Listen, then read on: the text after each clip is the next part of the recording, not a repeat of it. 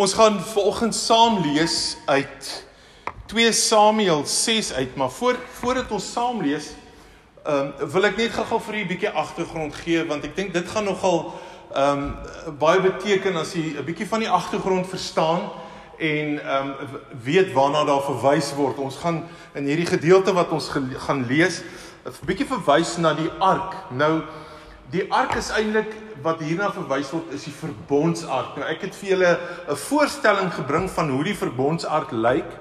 En eh, die die rede hoekom dit die verbondsark of die ark van die verbond genoem word is dat ehm um, nadat die Here die 10 gebooie vir Moses op die berg gegee het, ehm um, het hy ook vir hulle opdrag gegee in hierdie verbond wat hy met hulle gesluit het dat hy altyd in hulle midde sal wees en altyd by hulle sal wees terwyl hulle deur die woestyn trek en op pad is na die beloofde land. Maar hy het vir hulle gesê dat hulle hulle moet 'n ark bou die ark van die verbond wat 'n teken sou wees van van die feit dat God altyd in hulle midde sal wees, dat hy vir hulle beloof dat hy by hulle sal wees. En en dis min of meer 'n voorstelling van hoe hierdie ark gelyk het. Dit het soos 'n groot kus gelyk en en en dit is van hout gemaak en dit is dan oorgetrek met suiwer goud. En bo op uh hierdie ehm um, kas was dan 'n deksel met twee engele of gerubs soos ons dan in die Bybel lees wat hulle vlerke so sprei so bo oor die ehm um, bo oor die kus. En dan het hy ook ringe gehad by elke punt. En dan sou hulle hierdie palle deurstoot en dit mag net gedra word aan hierdie palle. So hierdie hierdie ark mag nie aangeraak word behalwe deur deur hierdie uh pale nie, so hy moes gedra gewees het en daar was 'n spesifieke voorskrif wat die Here gegee het vir sy volk. Hy het gesê net die mense uit die stam van die Lewiete en hele ons weet mos nou die stam van die Lewiete was die stam waar uit die priesters gekom het, was ehm um, gemagtig om om hierdie ark te dra. So waarheen hulle ook al beweeg het, was dit die Lewiete wat hierdie ark gedra het op hulle skouers. En dan waar hulle dan ook al uh dan kamp opgeslaan het, het hulle dan 'n uh, tipe van 'n tent tempel gehad, 'n tabernakel en hierdie ark van die verbond is dan daar geplaas. En toe later van jare wat hulle toe um, in 'n uh, in die beloofde land gekom het en uh daar later in 'n uh, tempel gebou is, het die ark in die allerheiligste gedeelte van die tempel gestaan en dit was nog steeds die teken van God se teenwoordigheid. So wanneer ons nou vandag lees oor die ark, hou dit in gedagte oor die betekenis van die ark, onder andere in die ark was die 10 gebooie en daar was ook 'n pot met manna in. Julle sal onthou dat die Here vir die volk manna gegee het, nê? Uh en hulle het van hierdie manna in 'n pot gehou binne in hierdie ark as 'n teken om hulle te herinner dat God vir hulle gesorg het en ook Aaron se staf is ook binne in in in hierdie ark gehou. Dit net om julle so 'n bietjie agtergrond te gee, dit help om 'n bietjie dit beter te verstaan. So ons het vandag 'n gedeelte wat ons gaan lees nou. Hierdie gedeelte is eintlik 'n baie interessante gedeelte en dit dis 'n bietjie 'n langer gedeelte, maar dit lees soos 'n storie. En dit is die storie of dan die gebeure waar koning Dawid die ark laat haal het en wat rondom dit gebeur het. Soos baie interessante gebeure. Luister 'n bietjie mooi oor oor wat hier gebeur met die ark en wat Dawid besluit het wat hy met die ark gaan doen en hoe hy die ark gaan haal en wat gebeur het wanneer die ark op 'n sekere manier laat dra het. Al hierdie gebeure wat daar plaasgevind het. So kom ons lees daarvan af vers 1 af. Dawid het al die uitgesoekte manne in Israel bymekaar gemaak, 30 afdelings. Hy het klaar gemaak en saam met die hele leer na Baala toe in Juda toe gegaan om die ark van God te gaan haal. Dit is die ark waaroor die naam die Here die Almagtige wat oor die gerubstroon uitgeroep is. Hulle het die ark van God op 'n nuwe wa gelaai. Luister mooi, hulle het hom op 'n nuwe wa gelaai en dit weggevat uit die huis van Abinadab. Nou miskien net om julle agtergrond te gee, Die Filistyne het die ark ehm um, ge, gevat, gebyt by die Israeliete.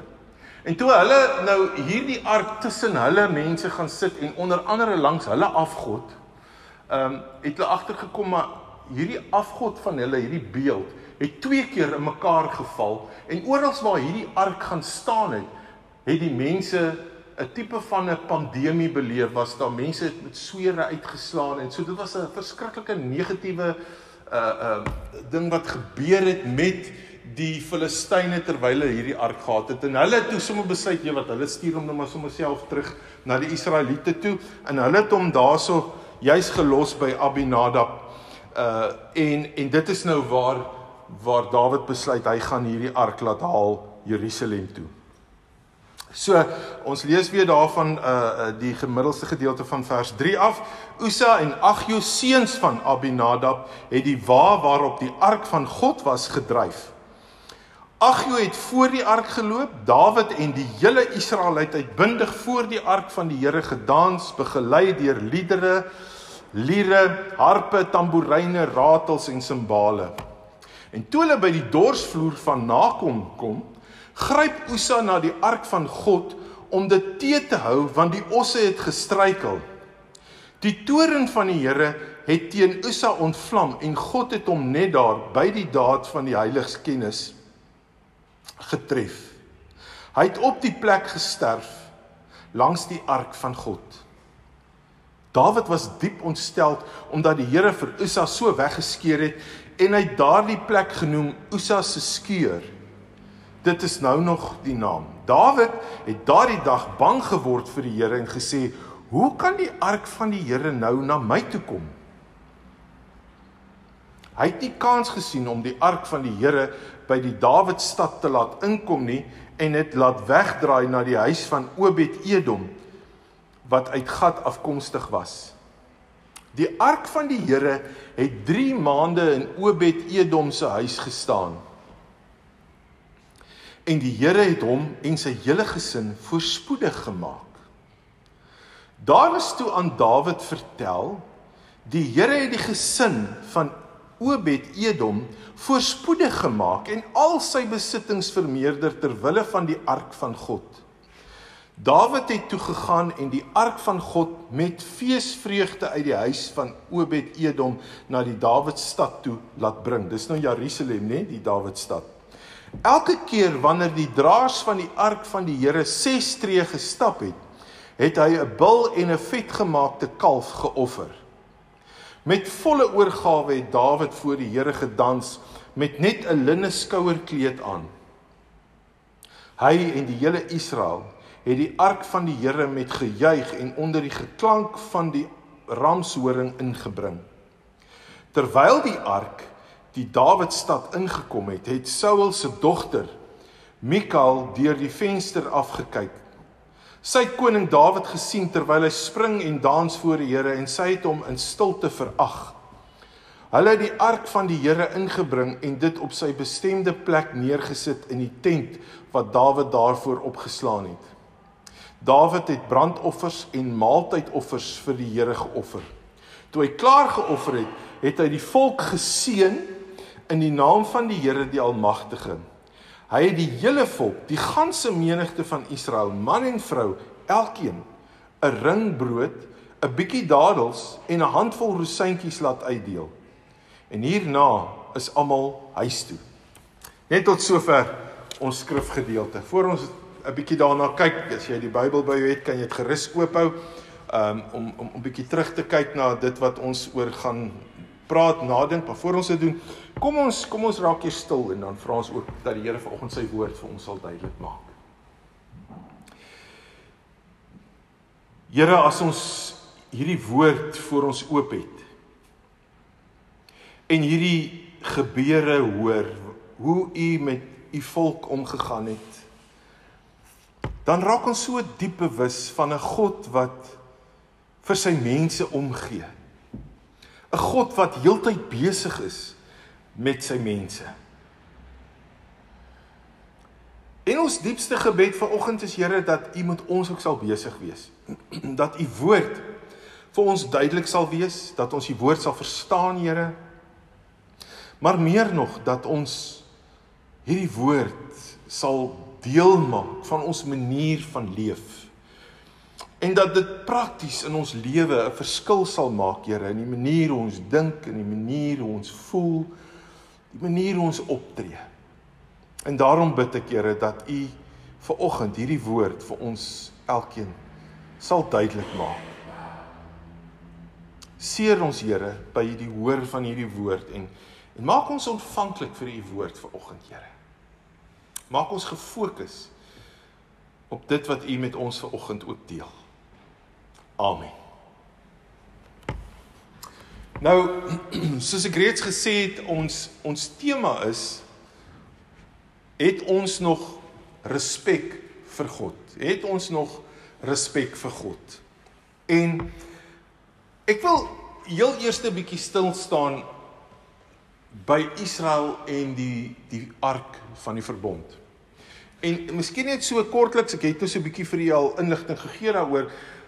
Maar ons net 'n bietjie stil staan, hoekom is die ark so belangrik vir Israel gewees? Wat is die die diepe betekenis vir Israel van van hierdie ark? Nou soos ons reeds gesê het, dit is hierdie hierdie houtkus. Bernard, as jy vir ons die eerste ene kan opsit so lank. Ehm um, die die belangrikheid van van hierdie ark was dat dit was iets wat God vir hulle opdrag gegee het om te bou. Hy het vir hulle gesê gaan bou hierdie ark. Dit is die spesifikasies, dit is hoe hy moet lyk. En hierdie ark sal die teken wees dat ek in julle teenwoordigheid sal wees. Met ander woorde, dit is amper so 'n deel van 'n belofte wat God vir Israel gegee het en gesê het, maar ek beloof vir julle dat ek by julle sal wees. Jy kan vir jouself dink terwyl die Israeliete deur die woestyn getrek het en al hierdie goed wat hulle beleef het en dat God vir hulle midde in dit alles sê maar onthou ek sal by julle wees en hierdie ark van die verbond sal die teken wees dat ek by julle sal wees. Met ander woorde, oral waar die Israeliete getrek het, het die Lewiete hierdie ark gedra en dit het saam met hulle oral beweeg. So die belangrikheid van van van hierdie ark was dat dit God se teenwoordigheid eintlik uitgespel het vir wie ook al dit mag sien. En interessant is dat die Filistyne van hulle grootste vyande, Israeliete se vyande, het hierdie het hierdie kennis gehad oor die ark. Hulle het geweet as hulle hoor die Israeliete begin om hulle aan te val. En hulle het gehoor die ark is in die kamp waar die Israeliete hulle leer opgestel het dan het die Filistyne redelik beangs geword en het hulle ook gesê ons kan baie in verskeie gedeeltes in die skrif ook sien dat hulle gesê het dat God het in die kamp aangekom as die as die ark daar neergesit is in die kamp van die soldate van Israel. So dit het selfs by die vyande van van Israel het dit as ware 'n vrees ingeboesem. En en hierdie hierdie ark was iets wat wat beskou is as een van Israel se se kragte. En so die Filistyne toe besluit maar luister as ons as ons regtig Israel wil oorwin, dan moet ons hulle oorwin, maar ons moet die ark by hulle vat. En so het hulle die Israeliete ook gewin, oorwin en die ark by hulle gevat en by hulle gaan hou. En nou soos ek reeds gesê het, waar hulle ook al hierdie ark gesit het, het hulle noodlot ervaar. Erge teëspoed. Ehm um, hierdie afgod wat hulle aanbid het, het twee keer net hierdie beeld het net twee keer in mekaar geval terwyl hierdie ark daar gestaan het by hierdie af afgod. Ehm um, van hulle mense het het hierdie pandemies ervaar, hulle het in sweere uitgebreek. Ehm um, dit dit was net verskriklik wat met hierdie Filistyne gebeur het en toe het hulle besluit, luister, kom ons vat hierdie ding liewer terug na hulle toe want dit dit is nie vir ons goed om hierdie ark by ons te hê nie. Duidelik is hulle God hier by hierdie ark teenwoordig. So die ark was vir hulle 'n ongelooflike teken van God se teenwoordigheid en en die Israeliete ook gesê die ark is waar God woon. En dit soveel so gepraat van die deksel van hierdie ark as die deksel van verzoening en dit is die plek waarop hulle dan gesê het God sit as ware uh, by wyse van spreek om te sê God is daar teenwoordig.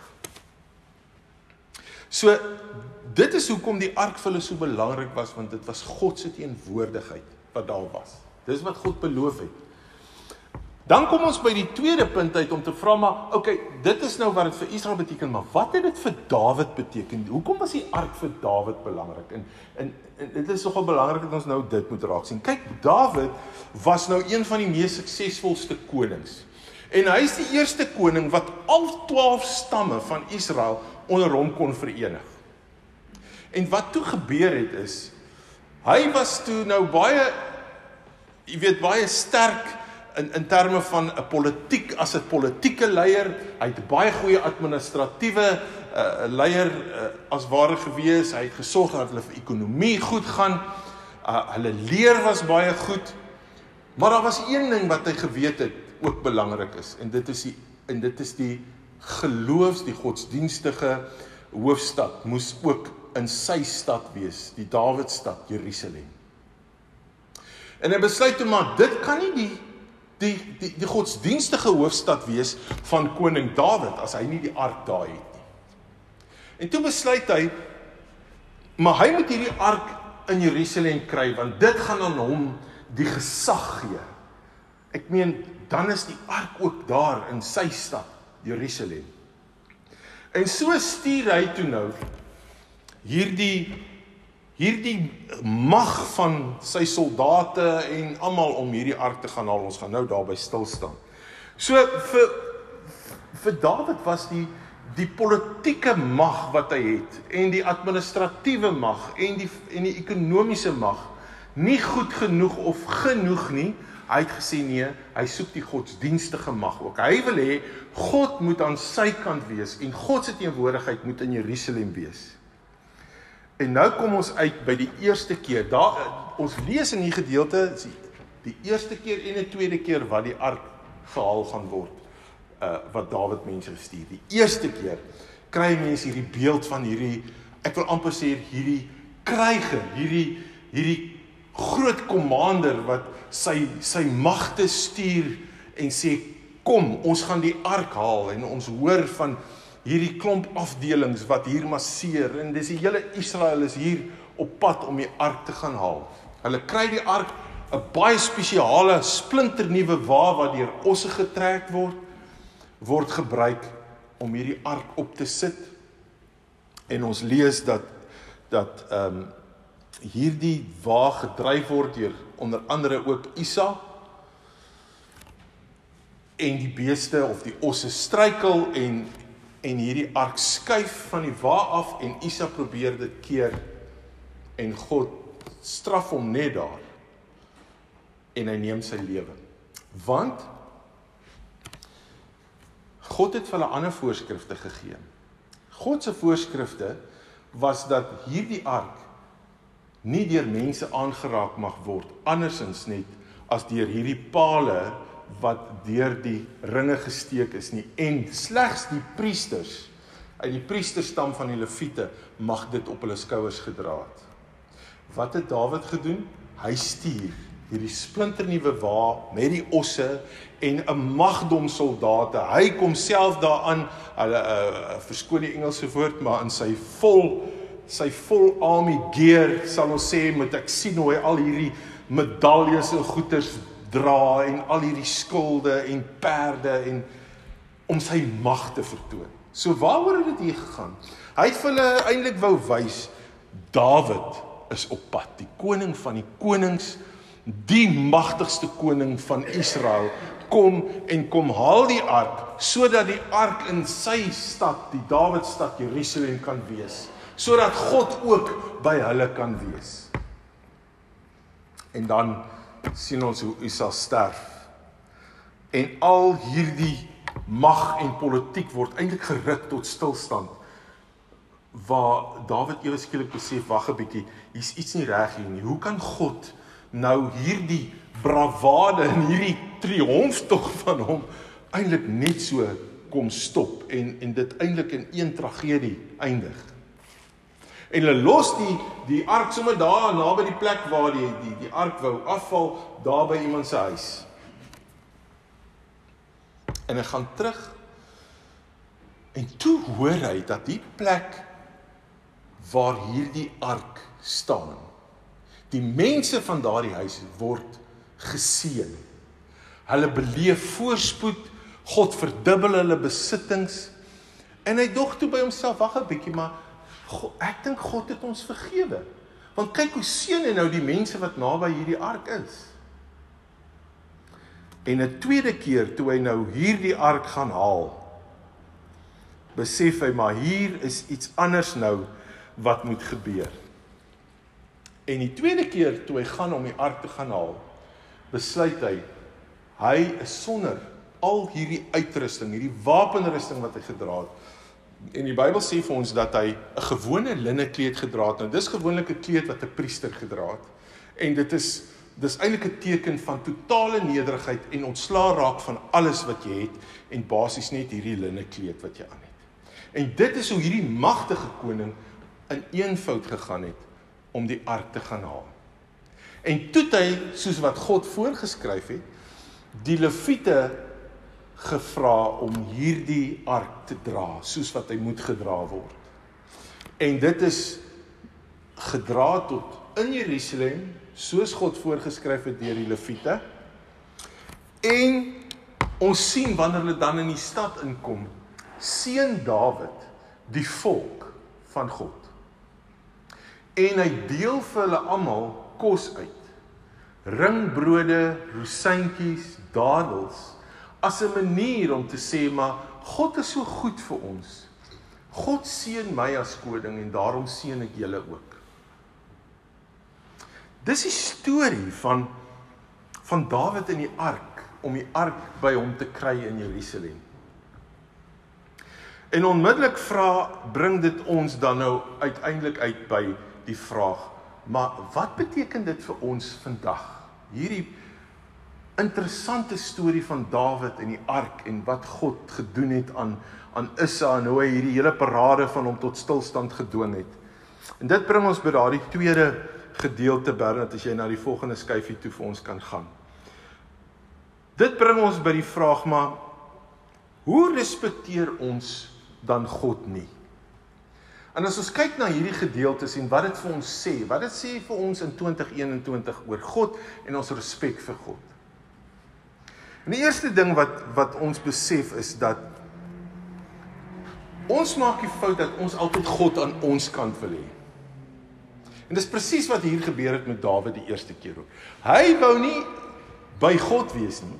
Hy wou God gaan haal as ware en by hom in Jerusalem sit en sê, "Maar God is nou aan my kant. Ek is die koning. God is aan my kant." So wie ook al waag om my te aan, aan te val moet weet, God is aan my kant.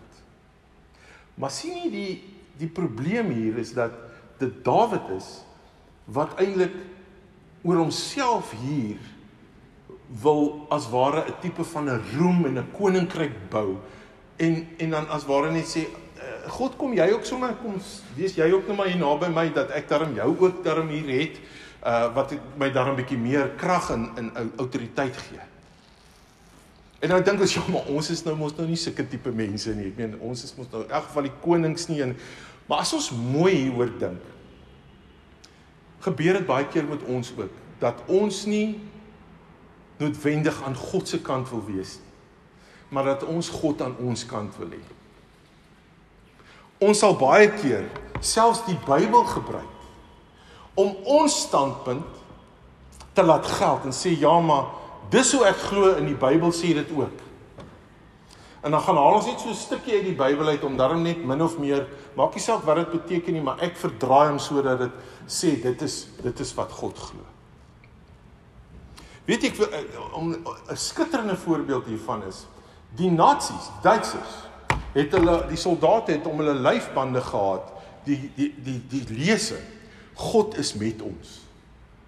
En met daai lese om hulle lyfbande, God is met ons, is miljoene mense doodgemaak en het hulle self as ware geregverdig want God was met hulle en nie met die ander mense.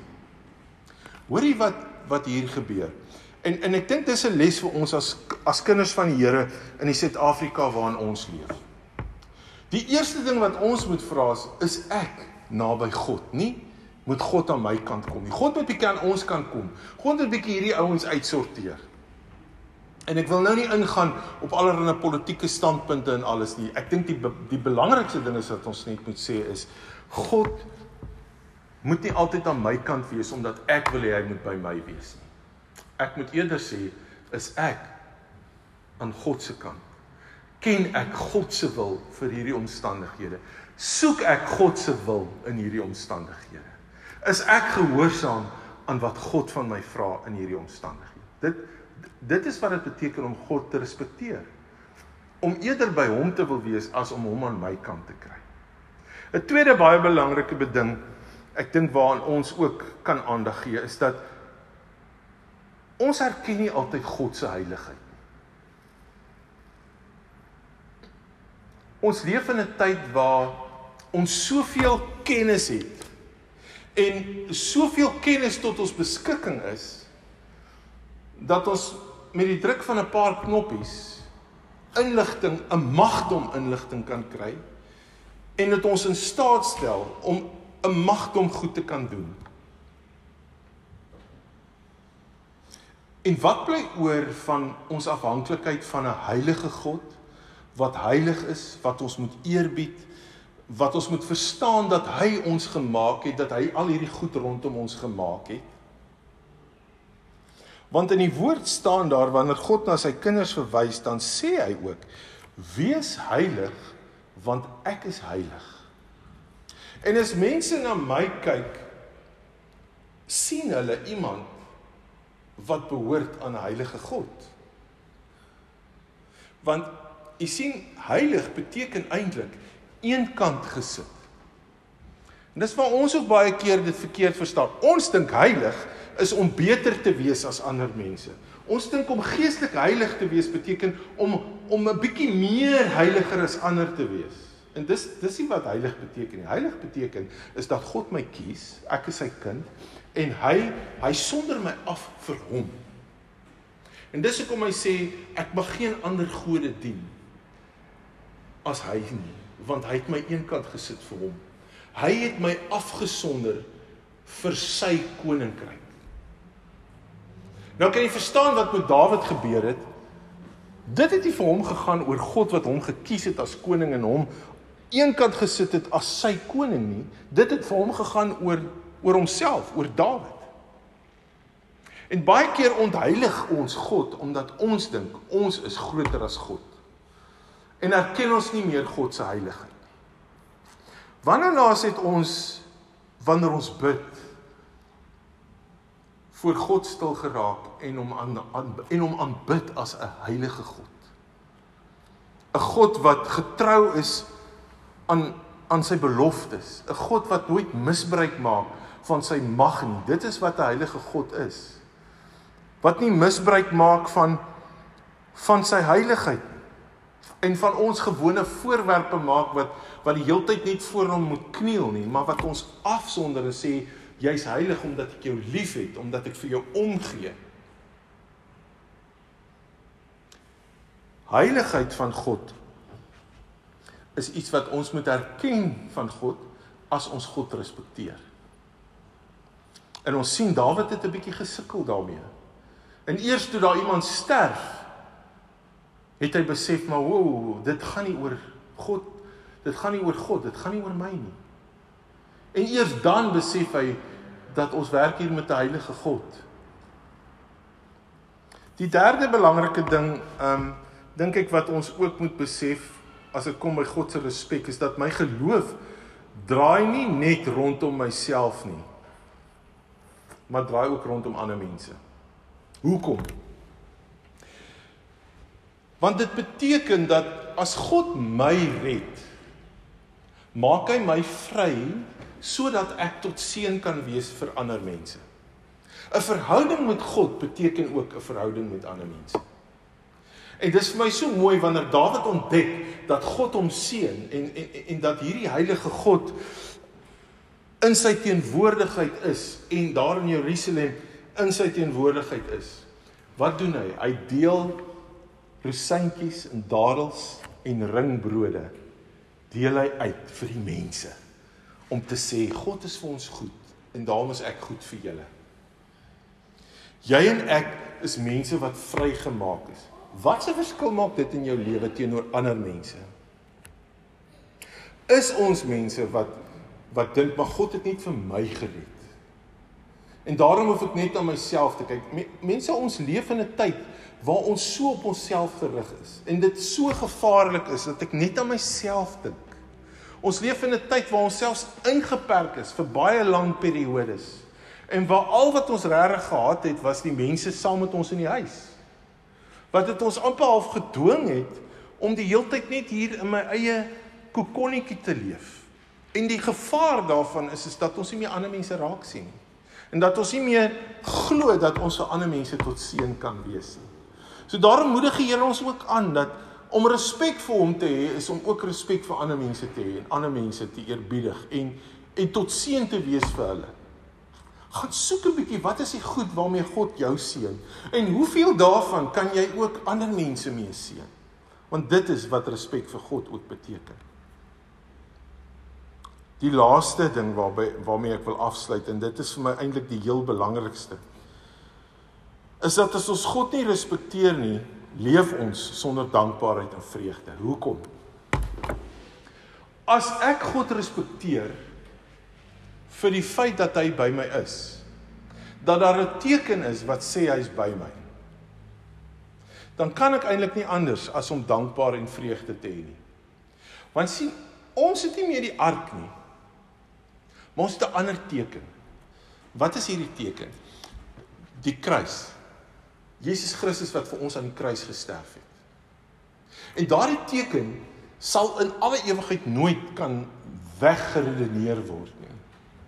En elke dag kan ek leef en sê, "Maar God het vir my aan die kruis gesterf." Ek kan om die waarheid te sê, ek kan sê, "Die Here het my in gedagte gehad toe hy aan die kruis gesterf het." sodat ek vrygemaak kan word van skuld, van van sonde, van van laste dat ek 'n vry mens kan wees. Nou as dit jou nie dankbaar maak en jou bly maak nie, dan is daar nie eintlik iets op hierdie aarde wat jou gaan bly maak nie. God kom sê ek is die God wat jou bevry van die sonde las. Hy maak jou los. En daarom moet ons ook dink dat dit dit gaan nie net oor kerk toe gaan nie. Dit gaan nie net oor om aan 'n Bybelstudiegroepie te behoort nie. Dit gaan nie net om in 'n selgroep te wees nie. Dit gaan oor meer as dit. Want jy kan kerk toe gaan, jy kan in 'n selgroep behoort, jy kan in 'n Bybelstudiegroep behoort, maar jy het nog nie die vreugde ontdek van Christus wat jou vrymaak nie. En dan is jy eintlik maar net 'n slaaf wat in die kerk sit, wat in 'n Bybelstudiegroep sit, wat in 'n selgroep sit. Die die kern van respek vir God is eintlik by die feit dat jy die teken het dat God altyd by jou sal wees en sy sy versoening altyd met jou sal wees. Weet jy wat baie interessant is? Die ark een keer die jaar het die het die priester gegaan en hy het offers gebring as 'n versoeningsoffer. En dan het hy die bloed gevat van 'n geslagte bokkie of 'n lam en hy het dit op hierdie deksel van die ark gesprinkel. En dis hoekom hulle die deksel ook die versoeningsdeksel noem. En in die plek van daardie hele ding van versoening en die priester wat gaan, het Christus gekom en sy bloed is gestort vir ons. En dis hoekom jy sal hoor baie keer praat die woord van God oor die lam van God. Word daar gepraat van die die een wat vir ons die versoening gebring het, sy bloed wat ons vrymaak. Dit dit wys terug na na hierdie hierdie daad van die priester wat die bloed gesprinkel het op die versoeningsdeksel van die ark. Vandag het ons dit nodig nie. Vandag weet ons dat Jesus Christus se bloed vir ons aan die kruis gesterf het en gevloei het sodat ons vry kan wees. Daai teken is elke dag by ons. Ons hoef nie argeoloë te gaan vra om na dit te gaan soek nie. Ons weet dit is die feite, dit word in die skrif vir ons gegee. My gebed vir ons is is dat dat ons opnuut weer daardie respek vir God sal hê. Dat God nie maar net my maatjie is en wat wat ek gebruik om my lewe gemakliker te maak nie, maar dat ek sal weet dat ek dien 'n heilige God. 'n God wat ek nie altyd net aan my kant moet hê nie, maar die God wat ek moet dien, aan wie se kant ek moet wees. By wie ek moet wees. Naby wie ek moet wees. Want dan sê die woord ook vir ons sal my lewe nie net rondom myself draai nie, maar gaan ek begin ander mense raak sien en gaan ek 'n lewe van vreugde en 'n lewe van van dankbaarheid hê omdat God my vrygemaak het. Dis my gebed vir jou ook. Dat jy sal ontdek dat God jou vrygemaak het om voluit vir hom te leef in vreugde en in dankbaarheid. Mag die Here elke dag ons sy kinders maak wat wat heilig is, wat afgesonder is. Eenkant gekies is vir hom. Amen. Kom ons bid saam. Here, ons se Here. Hoe wonderlik is dit nie om te weet U het ons eerste gekies nie. U het ons eenkant kom sit en sê jy behoort aan my. Ek wil vir jou 'n God wees. Ek beloof vir jou dat ek altyd by jou sal wees. Ek gee vir jou die teken van my seun. Ek het jou so lief dat ek self sy lewe gegee het in plek vir jou. Here mag ons ook erns maak met hierdie keuse wat u gemaak het om ons te kies. Maar Here mag dit nie 'n las vir ons wees nie. Maar mag dit 'n vreugde wees en mag dit elke dag vir ons dring om dankbaar te wees, Here om elke dag so te leef dat dat mense in ons lewens sal sien dat ons dankbare mense is wat leef tot eer van U. Amen.